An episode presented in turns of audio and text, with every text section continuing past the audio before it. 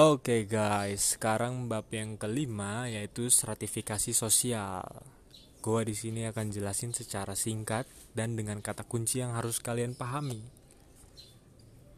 Oke, stratifikasi sosial itu adalah sifatnya vertikal, yaitu penggolongan kemampuan ekonomi masyarakat. Definisi-definisi menurut tokoh, menurut Surjono, Stratifikasi sosial adalah perbedaan posisi dalam status berbeda secara vertikal. Lalu menurut Pitrim Sorkin, stratifikasi sosial adalah perbedaan kelas bertingkat, terdiri dari tinggi, sedang, rendah.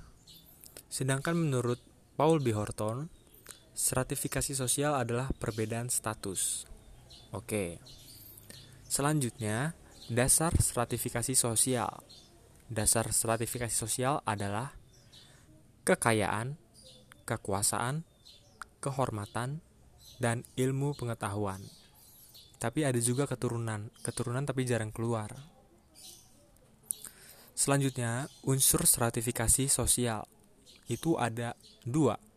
Yang pertama, status sosial atau kedudukan, dan yang kedua, peran sosial. Oke, gue akan jelasin satu-satu. Status sosial atau kedudukan terdiri, terbagi menjadi tiga, yaitu ascribe status, merupakan diperoleh dari lahir atau keturunan.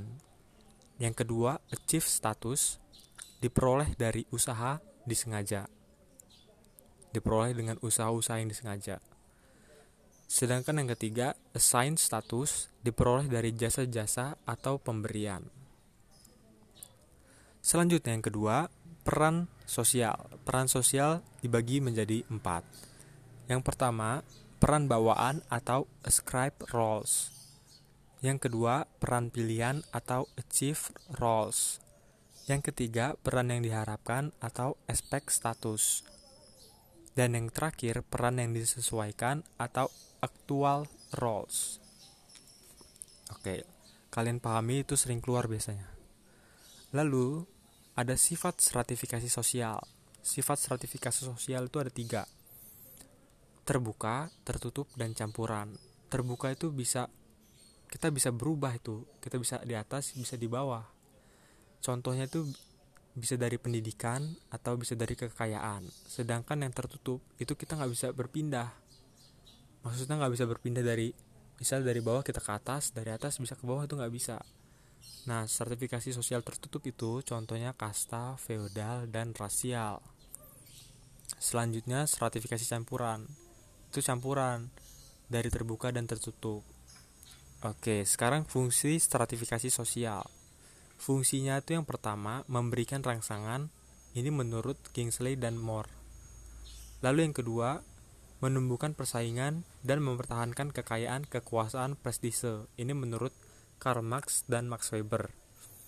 Lalu fungsi yang ketiga memberikan fasilitas atau lifestyle. Ini menurut Sorjono Sukanto. Dan yang terakhir itu fungsi menyediakan masyarakat keperluan yang nyata. Itu adalah fungsi dari stratifikasi sosial. Oke, bab yang kelima sudah selesai. Mohon maaf bila ada kata-kata yang tidak jelas. Sekian, terima kasih.